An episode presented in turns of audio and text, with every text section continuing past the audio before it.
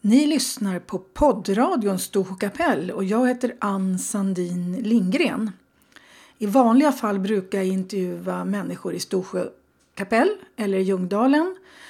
Men nu är det coronatider så vi har avhållit oss från att åka till Storsjö. Vi har varit där lite över jul och nyår men då träffade vi knappt en människa. Vi stod flera tio meter från någon.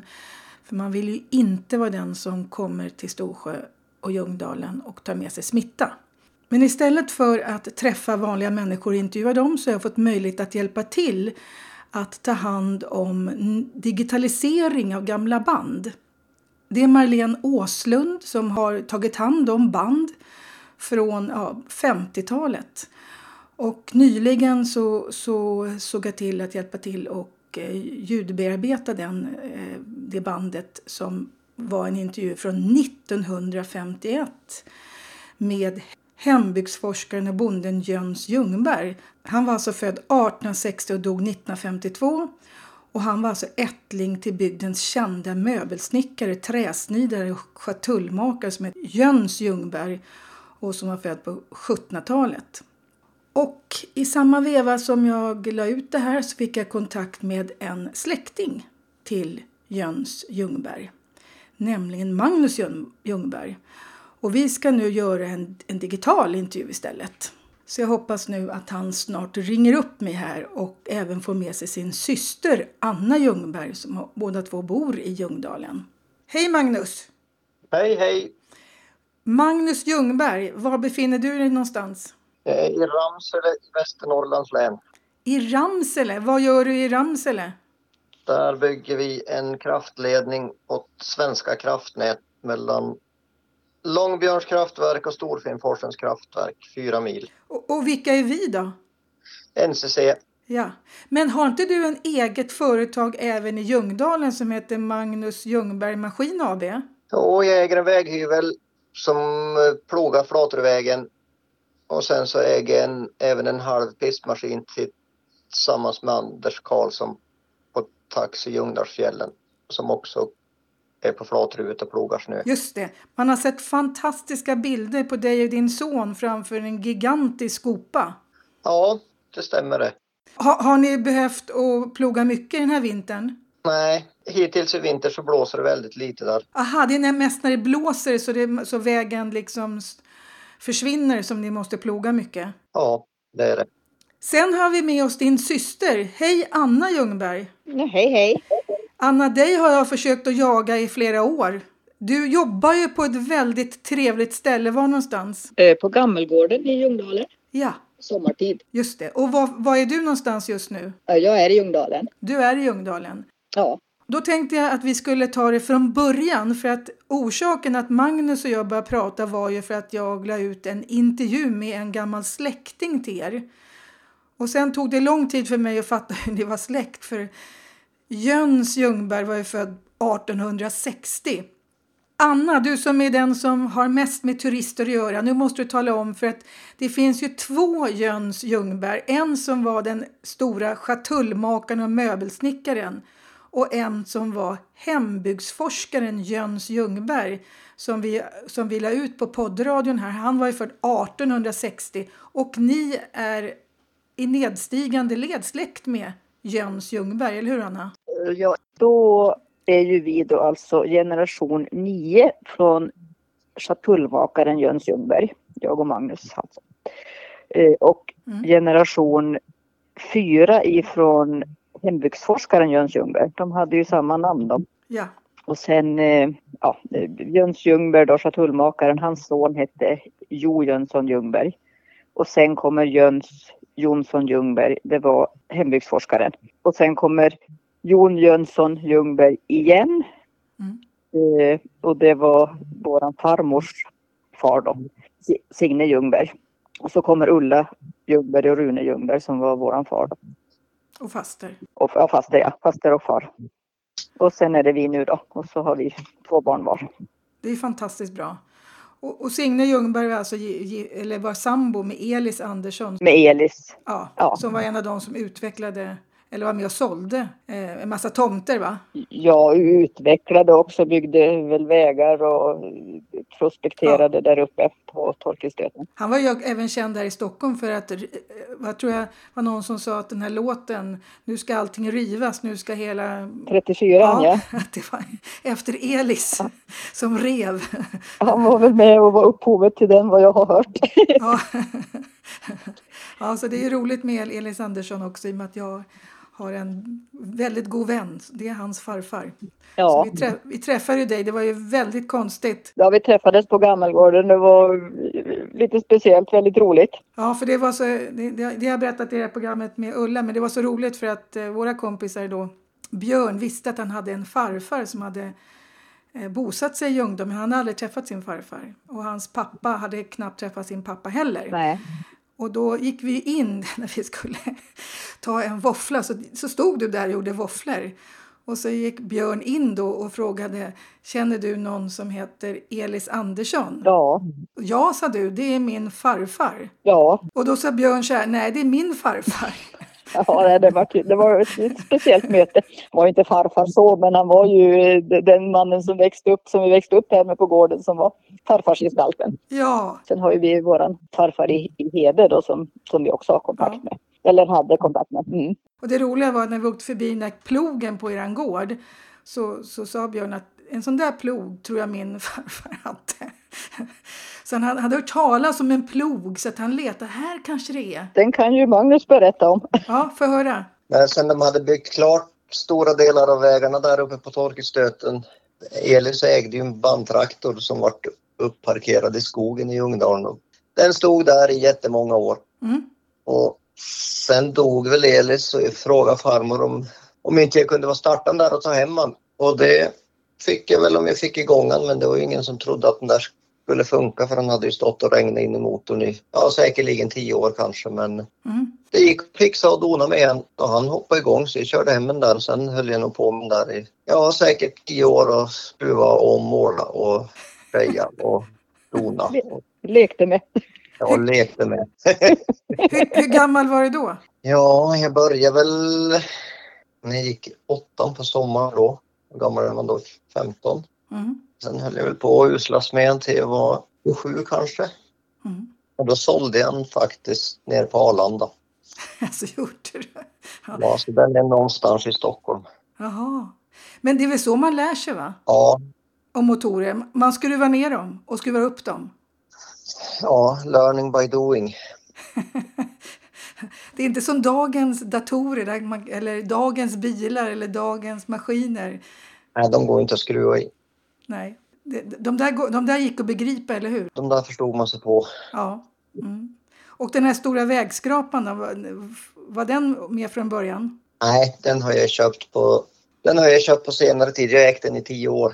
Jaha, okej. Så att ni har alltid hållit på där och fixat och donat och sett till att den här, eh, ja vad man ska säga, den här släkten som ni faktiskt, det det är ett bra namn också, Ljungberg och bo i Ljungdalen. Det känns ju som att ni är liksom ursprungssläkten. Så det är väl en gammal släkt i varje fall Ja. i Ljungdalen. Och sen när man tittar i den här boken som man kan kö- köpa, den här som eh, Gredander, prästen har gjort. Där kan man ju se alla släkter i både Storsjö och Ljungdalen. Och det är ju väldigt många släkter som är släkt med varandra. Ja, det är det. Mm. det. Det är det. Det är många som är släkt med varandra på olika vis. Så egentligen känner ni ju varandra väldigt bra i de här två byarna. Men det skulle jag väl vilja säga att man gör åtminstone. Att De som flyttar hit nu kanske man inte känner lika bra men, men om man säger ursprungsbefolkningen från när vi var små. Ja. Hur, Anna, hur tycker du a- Anna, att samarbetet är mellan byarna? För att det har ju varit, varit lite rivalitet förr i världen, men det verkar som att nu jobbar man åt samma håll allihopa. Eh, Jo men det tycker jag nog att, vi, att det görs. Det, så upplever jag det. Mm.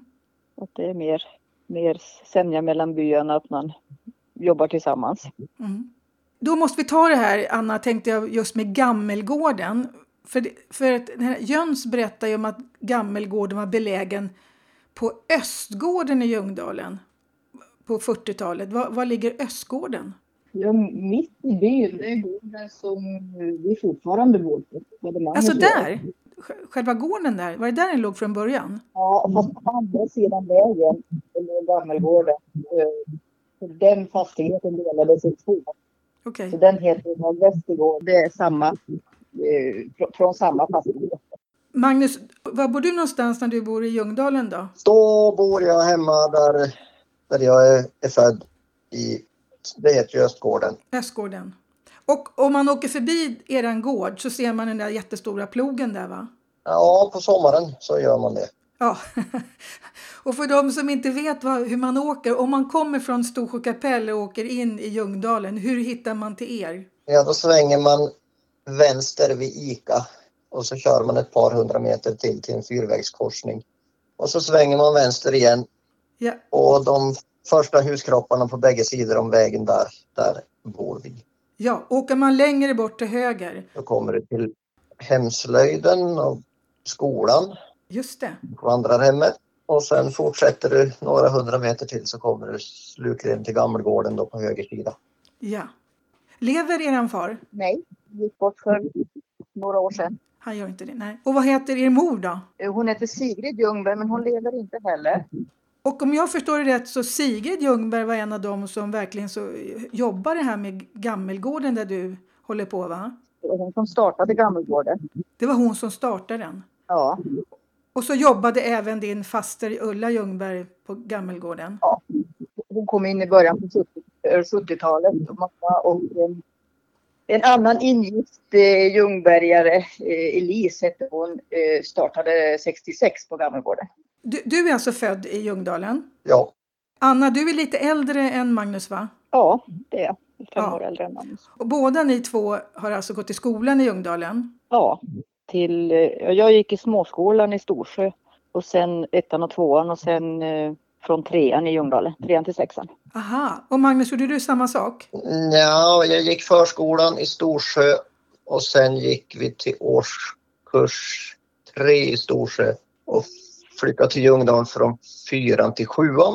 Åttan och nian då flyttade vi till Svenstavik. Då fick vi bo inackorderad på helgerna, eller på veckorna Just det. och sen så var det gymnasium i Östersund. Jo, när vi började fyran i Ljungdalen, då gick vi ju den gamla skolan, den som är vandrarhemmet nu med. Just det. Mm. Men när vi skulle börja i femman så började nya skolan att byggas och då fick vi på skolan i raststugan, den som är uppe vid Dunsjeliften. Är det en raststuga? I raststugan gick vi i skola i ett år. Vintersäsongen började då. I liften så hade vi sån tur så då fick vi äta hamburgare till lunch varje dag. Hur gammal var du då? Ja, då gick jag i femman. Så det var, det var drömmen att få käka hamburgare. Ja, Det var helt perfekt. Fick ni åka skidor också? Ja, på rasterna var det bara att hoppa i skidorna och ut och åka. Vart den klar den nya skolan då? Den, den som är nu alltså? Ja, sexan och sjuan gick, vi- gick i den nybyggda då. Och Då, då, då var den ganska fin va? Ja, då var, han var helt ny då. Ja. Och, och Anna, vad gick du i skolan sa Ja, du? Jag har bara gått i den gamla då, det som är vandrarhemmet idag. Och hur var den skolan då? Ja, men det var också, den var också en, en fin skola. Det var det. Det var klassrum nere och så var det matsal och gymnastiksal uppe. Jaha, Eller ett klassrum var det nere och så var det en slöjdsal och så var det en gymnastiksal och en matsal på övervåningen. okej. Och hur många barn var ni i skolan sammanlagt? Vi var, jag tror att vi var 22 eller 23 när vi var som flest. Det var ju ganska mycket. Vilka, och vilket år är du född bara så att de... Jag är född 67 men det här var, då gick, om det var när jag gick i trean eller fyran vi var som allra mest. Mhm. Då var vi så, så pass många från, ja, men från trean till sexan då. Mm. Och Magnus, när du gick, hur många var ni då? Ja, men vi kan ha varit 12 idag. Var ni bara 12? Ja. Vilket år är du född? Jag är född 72. 72. Aha, hade det minskat så mycket då? Så du var en liten kull med... Vi var fyra i min klass. Och vi var, det var två i klassen över och tre i klassen över den. Klassen under var det. Det gäller fyra. Men hur, hur gick det med kompisar då när man är så få då? Ja, men det går skitbra. Alla lekte med alla. Alla lekte med alla? Ni, ni är kompisar Ja. för livet det där lilla gänget då? Ja, Och det är ju lite så. Eh, Det är ju fortfarande, de bästa vännerna är ju fortfarande de vännerna från skolan och från, från, ja, men från härifrån. Mm. Så leker man ju inte bara med samma ålders, eh, man, har, ju- alltså, man går ju både uppåt och neråt i åldrar. Ja, just det. Mm. Det behöver inte vara de som är precis jämngamla. Nej. Magnus, vart ni bra på, på skidor då när ni var så nära skidanläggningen? Ja, vi var bra på skid. Jaha, hade ni några tävlingar också då? Nej, vi ordnade en tävling i backen bakom för där ICA ligger nu, men det är ju ännu längre sen tillbaks för då hade Elis en liten släplift där. Jaha, det fanns en släplift mitt inne i byn? Ja, Elis men det var satt inte upp så en- enkelt. Jaha, Elis köpte och satte upp en släplift till oss ungar på byn. Som var i liften, eller i backen bakom affären. okej. Och när kom den stora eh, backen då? Den började att byggas 84. Ja, 84 tror jag. 84, 85. var det. Mhm.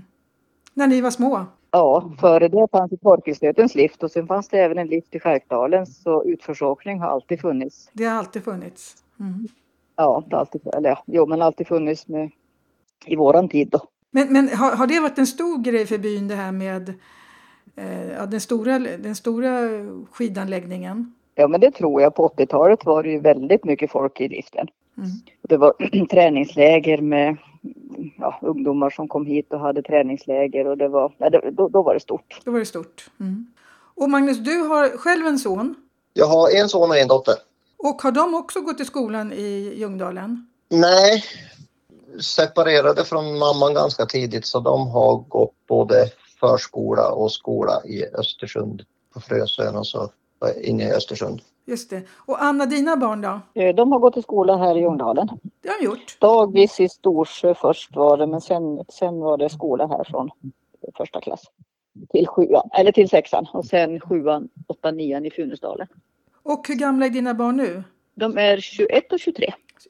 Och det är väl fantastiskt nu, Anna. Ni, har, ni var ju ett tag här så hörde man att man skulle näst, nästan lägga ner skolan i, Ljö- i Ljungdalen. Ja, det var på tapeten förra veckan. Ja, och ni lyckas rädda den. Hur, hur, vad gjorde ni? Ja, jag vet inte. Det vart ju mycket tidningsartiklar och det var en Facebookgrupp med namninsamling och jag vet inte riktigt. Politikerna ändrade sig dagen efter så att jag vet inte riktigt vad, vad som ändrade dem. Ja, det är ju, fa- det är ju fantastiskt, så den får vara kvar. Än så länge får den vara kvar. Vi Ja. hoppas väl att den får vara kvar eftersom det fjällflyttprojektet pågår med eventuellt eh, hitflyttning då av familjer och i Storsjö har det flyttat in lite nya familjer med barn. Just det, jag tror att det är uppe i var det 12 eller 14 barn nu som är alltså, alltså, av nyfödingar och, och småbarn. Ja, Så att det behövs ju verkligen en skola om folk ska kunna bo i, i, i Ljungdalsfjällen. det är jätteviktigt. Ja. Har ni många barn i i Ljungdalen också nu? Inte så många nu. Jag är lite osäker när man inte har skolbarn i i skolan själv, men det är, det är fler i Storsjö just nu. Det är fler i Storsjö. Men det, den här fjällflyttsprojektet har ju lockat många. Va? Det, om man förstår, man läser på Facebook i alla fall, så verkar det finnas stort intresse att flytta till de här byarna. Det är familjer som letar boende och hittar de boende så verkar det som de kommer hit. Ja.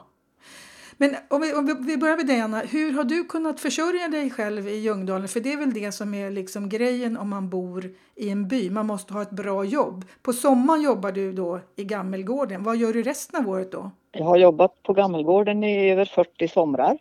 Oj! Eh, Sen har jag jobbat med turism på olika, ja, inom service. Jag har jobbat i liften i mm, 18 år. Jag har jobbat på ICA i mer än 10. Jag har jobbat eh, på Flatruet Hotell som var före detta S och semesterhem i Skärkdalen innan det brann ner. Ja. Oj, ja. Så jag har jobbat inom turism ja. på olika vis.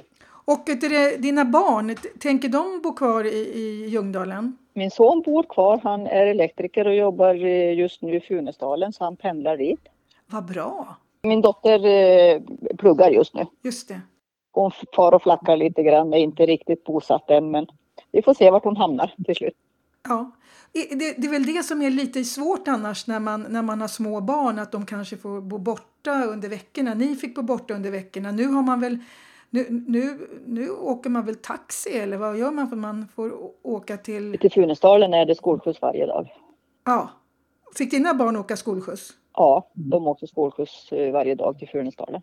Ty, tyckte de det var okej eller? Ja, det tror jag. Alternativet var ju att bo borta i Svenstavik. Skolskjuts Funäsdalen var nog helt okej. Mm. Jag tänkte Magnus, du då? Hur, sk- hur ska du få din son att vilja bosätta sig i eh, Ljungdalen? Jo, men det tror jag kommer att göra sig självt som det verkar. Han vill dit. Han vill? Ja, han vill dit och han vill bli elektriker i Funäsdalen. Nej, men det, det kommer nog det kommer att lösa sig. Ja, för att är man praktisk som ni verkar vara i er familj och väldigt påhittiga med turism och sånt så finns det väl alltid bra jobb för, för eh, folk i trakten va? Ja, det skulle jag vilja se i närområdet. Ja, för det saknas ju nästan hantverkare ibland. Det är svårt att få tag på hantverkare. I hantverksbranschen finns det väl oftast jobb. Och även mycket i turistnäringen. Men man kanske inte har helårsjobb. Eller man kanske inte har ett fast jobb för, ja, för, en läng- alltså för, för alltid. Utan man får leta lite grann. Men det brukar alltid dyka upp jobb. Ja. Och, och om jag fattar det rätt här i Stockholm så är det väldigt många nu som har upptäckt på grund av coronan att man kan jobba på distans på ett helt annat sätt. Så jag känner ju folk som har flyttat ut i sina sommarstugor eller ja, jag vet inte hur det, hur det är uppe i, i, i fjällvärlden men som upptäcker att det går lika bra att jobba hemifrån om man har ett sånt jobb om det finns bra uppkoppling. Och nu har ni väl bredband i båda byarna va? Eh, Ja, jag tror. I Ljungdalen är det väl färdigt allting. Jag vet inte riktigt hur det är i Storsjö. Men jag vet att det sitter eh, lite turister här till och från och jobbar på distans. Ja. Hur va- funkade det i somras då när det var corona? Man trodde ju liksom att ingen skulle våga åka till, till byarna men det var ju ganska mycket folk. Det var ju fullt på fiskekampen, det var fullt. ja, Det var jättemycket turister faktiskt i somras. Det var nog den eh, bästa sommaren någonsin skulle jag vilja säga. Det var så va? Det var väldigt mycket folk i, i, i trakten här. Ja. Vad, vad tror du det berodde på? Att folk inte reste utan man hade hemester. Mm. Och det var väl, eh, det var, det är väl redan nu vad jag förstår så är det fullbokat i eh, Helax och alla de här ställena. Folk bokar och bokar och bokar. Jag skulle tro det. Jag hörde eh, att det är mycket bokat på turistbyrån här också med boende i vinter i stugor. Och hur, hur, har har ni haft några problem annars med smitta? Och har, har ni haft några som blivit sjuka i, i byarna? Inte vad jag vet. Nej. Ja, Jag frågade Storsjö förut och det, de vet inte heller någon som har blivit sjuk. Nej, men vi har klarat oss bra trots att vi har haft mycket folk. Ja, här bryter jag in med ett förtydligande under intervjun. För det som hände var att när vi var klara med intervjun så hade Storsjö och Ljungdalen fått sina första fall av covid-19. Eh, Så att byarna har inte helt klarat sig som vi nu pratar om. Nu fortsätter intervjun. Ja, och Anna, du, du fick ju umgås med ganska mycket folk då i, i, i sommar. Det gick väl inte att hålla avstånd så bra in i den där gammelgården? Eh, nej, så vi gjorde så gott det gick, men det är klart att det blir lite svårt. Ja. Och även i vintras på ICA som kan bli ganska trångt, men eh, har lyckats klara oss ändå. ja. Så det är fantastiskt. Det är ju fantastiskt. Ja, så det är li- kanske till och med lite uppsving för byarna nu i pandemitider. Folk har upptäckt att hur bra det är att gå och vandra i naturen. Jag skulle tro det. Många har upptäckt naturen på olika vis, både sommar och vinter. Precis. Magnus, märker du av någonting av eh, pandemin i ditt yrke? Nej, inte hittills faktiskt. Vi samlas ju mycket olika människor från olika platser. Men vi håller avstånd till varandra och jobbar brett åtskilt nere på produktionskontoren. Men än så länge så går det bra. Det har gjort det hela sommaren. Mm. Va- va- vad består ditt jobb på NCC av? Jobbar du framför en dator eller hur jobbar du? Jag är platschef på det här kraftledningsbygget så jag, är, jag jobbar till hälften framför datorn. Men där vet jag inte riktigt vad jag gör. Men andra hälften så är jag ute i linjen, Mm. Mm. ungefär hälften hälften. Men har du också varit inblandad mycket i det här med eran eh, släkts, eh, ja, det här med gammelgården och turism och sånt? Nej, inte jättemycket. Jag körde ved till Gammelgården när jag var liten så jag fick äta hur mycket våfflor jag ville. ja, men det var ju fantastiskt. Och sen är, är det väl en väldigt trevlig samlingspunkt där för eran släkt. Liksom, ni måste känna stor tillhörighet med den här, liksom, b- både att ni- Ulla och era föräldrar och Ja, det gör vi. ja. Jo, Men det gör vi absolut och det har ju varit en, en samlings tungt på ett vis. Vi har haft dop till våra barn och det har varit släktkalas och sånt också som vi har använt gården till. Ja. Och ett, eh, hur hur ser det ut framåt nu? För att eh, när, när jag intervjuade U- Ulla då om hemslöjden så berättade hon förut om att det var jättemycket kvinnor som höll på med det. Går det bra för hemslöjden? För det, är- det är ju en generationsgrej. Alltså det, är ju väldigt, det är inte alls lika många unga människor som håller på med det. Vet, vet du hur det funkar med det? Jag skulle väl vilja säga att det går bättre igen än det gjorde för några år sedan. Det gör det? Eh, Men sen har ju pandemin också gjort att eh, besök och så att det är lite, lite mindre. Mm. Men eh, det har varit ett litet uppsving. Ja, för i- om jag fattar rätt så intresset för handarbeten har ju ökat när folk inte har så mycket att göra hemma. Det har ökat ja. Ja, Det har det gjort. Och sen innan pandemin, eller ja, även en del under så har vi haft stickcafé och sånt på hemslöjden. Så att, och det har varit mycket kursverksamhet med eh, dagkurser och så som- som har, där har varit mycket deltagare. mm. Och sen är det ju ett café även där nu som också har blivit en liten samlingspunkt. det är bra. Ja. Mm. Si- Sitter du med i någon sån här äh, f- styrelse eller någonting sånt? Hur, hur organiserar den här, ni turism, turismerna, turisterna? Det är ju mycket föreningar i Ljungdalen med mycket olika, olika styrelser. Mm. Sitter du med i någon? Jag sitter med i, i hemslöjden. Hemslöjden, ja. Men har ni någon förening också på Gammelgården? Ja, det finns en hembygdsförening. Gör det, men där sitter jag inte med. Nej. Men, men är, känns det som att det är liksom lite mer, eh, det går bättre nu för det börjar liksom våras lite för de här byarna. I alla fall i Storsjö känns det ju en väldig uppsving. Jo, men det skulle jag väl vilja säga ändå. Ja. Att det, det känns som lite framåtanda.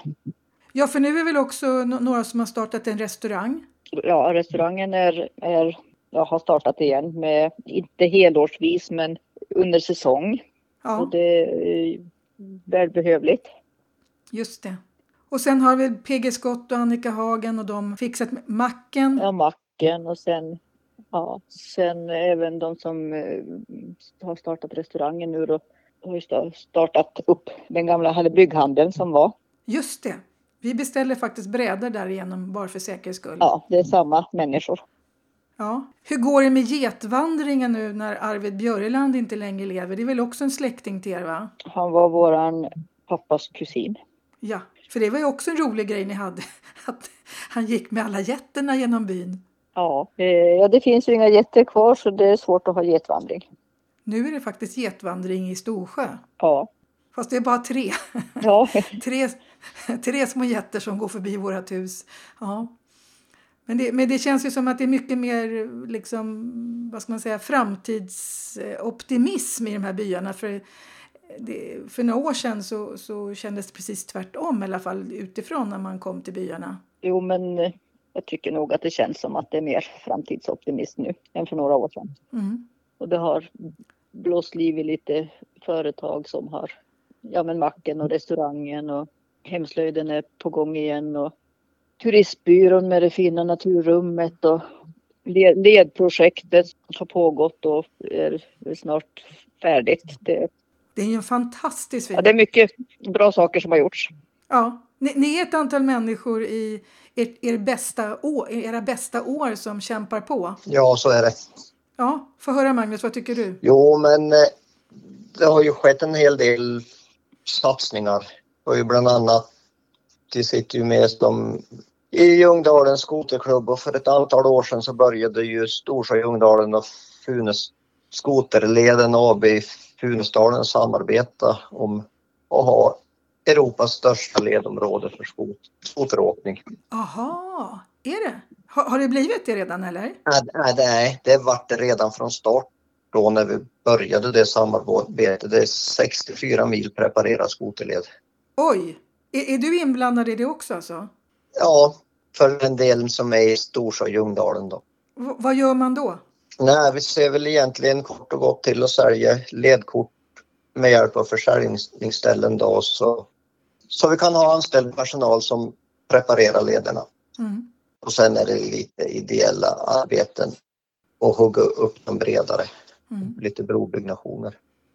Och sen är- har vi blivit ganska bra om och tagit sådana här korta vandringsleder runt om, om, omkring också. Att, man, att det, har blivit, det har blivit ganska fint med uppmärkning och spänger. Och jag vet att Malena Åslund lägger ut så här Storsjöbor. Man kan se vart man kan gå någonstans med bilder. Så för oss turister, det är inte bara att gå ut och gå. Man vill ju, det, är, det, det är så stort där uppe i Härjedalen så man vill gärna ha hjälp och veta åt vilket håll man ska gå och vad, vad, vad man kommer fram till. Och då fattar man att aha, här- här går vägen till höger och sen ska jag gå högre upp och då ser jag den här ja, vad det nu är för någonting eh, som man går till. Så att vi har ju aldrig någonsin vandrat så- på så många roliga ställen sen vi har fått tips om hur, vart vi kan gå. Nej, det, och sen har du det här nya häftet som turistföreningen har gjort och det är ett 20-tal turer i Storsjö och Ljungdalen med beskrivning och kartor och de är ju uppmärkta och spångade och, Ja, och så. Det är ju också en, en, en nytt för, ja, för, för året då kan man väl säga, eller den, jag tror den kom till sommaren. ja. Och Bo-Göran Lund är ju fantastiskt duktig och hans fru och, och driva de här sakerna. Ja, de har ju varit drivande i det, jätteduktiga. Ja, jätteroligt. Vet du det, jag läste faktiskt i, idag, när vi spelar in det här i början av februari, om det här med Flatruvägen. Magnus, har du läst om det? Åtgärdsvägvalsstudien. Det kanske det var, ja. Jag kom inte åt artikeln, den var låst. Jag såg bara rubriken om att de pratade om Flatruvägen. Ja, inom en framtid så ligger väl både Flatruvägen och så väg 311 förbi Tännäs och upp mot, jag kommer inte ihåg vart den slutar upp mot, Ja, man, man, Högvården. så, och, Bägge de vägar är ju turistvägar och de, de behöver en renovering. Mm. För det är ganska mycket turister på hela Flatruvägen nu på, på ja, i- ständigt. Va? Man ser ju väldigt många som stannar högst upp på Flatruvet. Jag skulle vilja säga att det är det nästan hela året. Det är det hela året. Ja. Ja, möjligen november och en bit in i december, men sen är det, det, är, det är mycket trafik överallt. Ja. Och sen är det väl också problem med att, att de, turisterna ibland smutsar ner där uppe. Att man, de tömmer latriner och sånt där. Så att, vad jag förstår så vill man ju liksom se till att det inte bara blir sån här na- så kallad naturcamping utan att man använder de campingplatser som finns och tömmer grejer. Så kan det ju vara, men det är ju väldigt svårt där. Då måste det ju byggas en åtgärd för att Flatruv är ju platt. Det finns ju inga diken på vägen så det är ju bara att svänga av. Ja. Det finns i Storsjö nu den här äh, husvagnskampen. Det finns väl en husvagnskamp även i Ljungdalen ha- där man också kan tömma va? Ja, det gör det. Ja. Sen kanske folk inte tycker att det är, de kanske vill göra det gratis men det är, sånt här är väldigt viktigt egentligen att fjället i- inte förstörs, eller hur? ja, det är jätteviktigt, om vi, särskilt om vi får mer turism. Mm.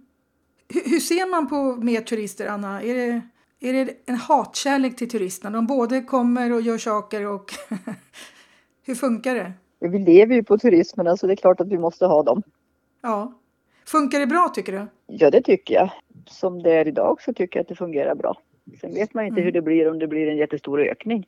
Nej. Nej. Men då kanske det måste göras åtgärder, men i, Mm. i dagsläget där jag är i- involverad fungerar det bra. Ja, just det. Och jag tänkte där på både på eh, turistbyrån och på Gammelgården, där säljer ni väl de här det finns någon liten skrift där som Jöns Ljungbergs anteckningar, va?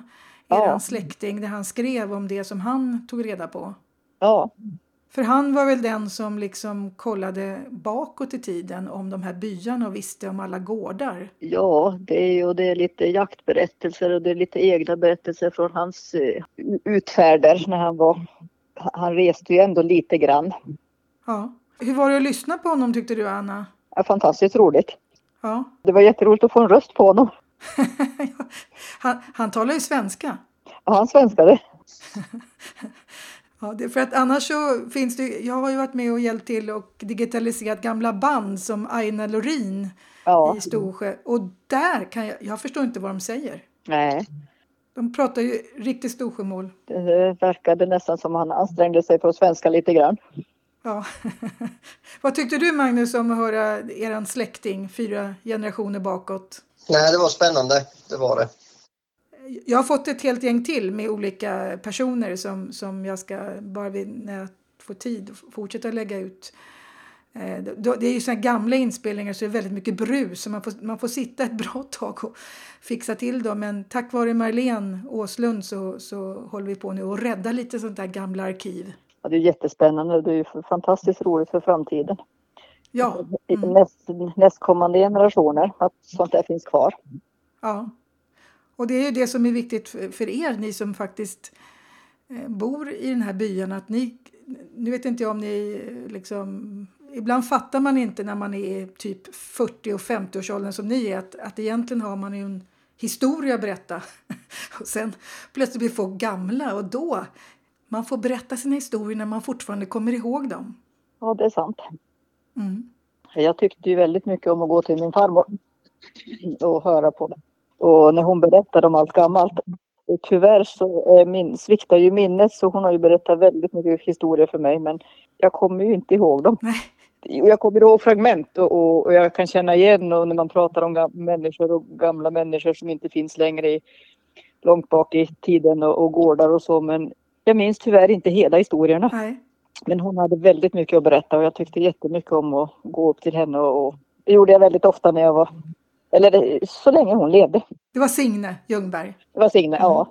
Och, och de levde ju ett helt annat liv. Ja, hon har ju varit med i, jag menar det var Fäbodvall och de bodde i Skärkdalen i hennes första livsår och sen flyttade de på byn.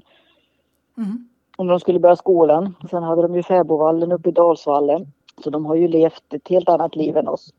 Och det var ju knappt elektricitet och alla barn fick hjälpa till. Och Ja, det låter ju som, det låter ju som de har, ja, det, det låter väldigt primitivt när många av dem berättar hur det var men de är ju själva ganska nöjda med sina liv. jag tror att de var väldigt nöjda med sina liv. Ja, De eh, hade nog, ja, de, eh, säkert slitsamt men även eh, mycket fina dagar. ja. När var era föräldrar födda? När föddes Rune och Sigrid? 38 och mamma är född 40 och hon kommer ju från, ner från Gästrikland. Så hon kom och, och eh, så skulle säsong, säsongsarbeta på SO Semesterhem i Skärkdalen. Då var kvar och träffade våran pappa. Aha, ja. Men även då, på, på den tiden, på 40-talet, då var det ju inte heller så modernt i de här byarna va? Nej det, nej, det kan jag ju inte. Det var ju liksom i efterkrigsåren så att det var det väl inte modernt på det viset. Nej. Och det var väl också så att, som, som er släkting berättade, att väldigt mycket av handel och sånt gick mot Norge. Ja. Eh, jag vet inte på 40-talet om det gjorde det men, men eh, eller då gjorde det väl kanske inte det i, i och med att det var krigstider. Nej. Det finns ju berättelser om att de gick, de flydde från Norge också. Man hjälpte. Ja, man hjälpte dem att flya. Och, och, och ju- det fanns ju människor i Ljungdalen som hjälpte till med sånt. Och här var det ju även en sån här luftbevakningsstation på, Just det. Så man hade spanade på sånt. under andra världskriget. Mm. Så det var ju lite militär aktivitet här då. Så det var, man var ju, ja, man var väl lite involverad på något vis. Eller det var väl relativt nära, men ändå inte. Och Anna, har inte ni haft såna här föredrag ibland på både Ja, på olika ställen när det kommer folk och berättar om sånt där. Jag har sett På Gammelgården har vi haft det. Haft en, en väldigt driven ordförande som, så att hembygdsföreningen har haft berättarkvällar eh, nästan en gång i veckan i, under juli månad, början på augusti. Det har varit en fem, sex berättaraftnar varje sommar. Mm. Men det var väl också väldigt mycket just om de här gamla tiderna, hur man hade det. Det har varit blandat. Det har varit om gamla tider och det har varit om samerna och det har varit om eh, fjällrävar och det Mm. ja, Jens Ljungberg naturligtvis då. Några olika föredrag med olika människor. Senast var ju de om eh, den här sista boken då, den, Den där fantastiskt vackra boken, ja. ja. om schatulmakare Jens Ljungberg, alltså om den sista boken, den här fina boken som har gjorts. Har, har ni varit med också och hjälpt till och, och, och berättat eller skapat eller gett innehåll till den? Eh, jag har väl visat runt lite på Gammelgården och pratat lite med dem men inte, inte varit med och Nej. skapat så kan jag väl säga. Bara visat upp huset. Mm. Magnus, hur tänker du då? För att det här med maskiner och sånt, om jag förstår det rätt när jag intervjuat gamla människor i Storsjö så fanns det ju nästan ingen som hade bil. Alltså det var nästan ing, alltså det var ju, de gick ut i skogen med såna här, alla, alla var ju skogshuggare och högg.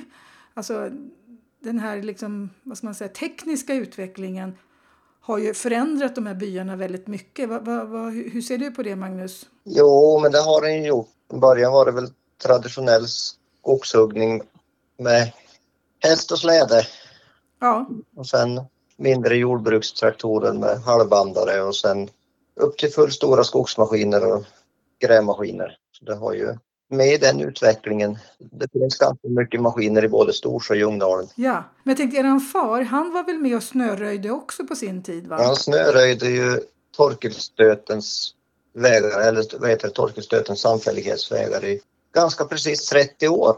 Och vad hade han för maskiner då? Det har varit jordbrukstraktorer hela tiden. Okej.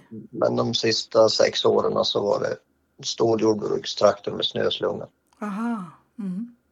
Ja, en av de första traktorerna som kom till bygden här kom väl till den här gården. Jag vet inte om det var den första men en av de tidiga. Den kom på tåg till Åsarna. Jaha. Mm. Mm. en sån grolle utan hytt och sen körde våran pappas morbror eh, den från Åsarna och hit när de Jaha. lastade av den där. Jaha. Och det ja, berättade våran far. Och han var ju i 6-7 års åldern så han var ju jättenyfiken på när den där traktorn skulle komma hem men det tog ju tid att köra traktorn från Åsarna. Just det. det var inte så bra väg där heller. Nej det var väl inte så bra väg och jag, jag vet inte om det var hösten eller våren men det var inte speciellt varmt ute så det hade ju varit en, en, en kall färd upp över dalgången. Ja. Och, och Rune Ljungberg, vad, vad, vad jobbade han med förutom att röja, röja snö då på vintern? Han har, han har snickrat mycket. Han har byggt en hel del hus runt om i byn. Ja, Alltså hus till turister eller? Ja, både till turister och alla våra hus här på gården. Han Aha! har både, både timrat och, och snickrat traditionellt. Mm. Vad tror du att eh, dina barn kommer att få jo- att jobba med, Anna? Eh, ja, Andreas är ju elektriker nu då så han blir ju väl förmodligen inom hantverksyrket på något vis. Mm. Eh, Tove vet jag inte riktigt. Hon vet inte själv. Nej, det är inte lätt att veta. Nej, det visar sig.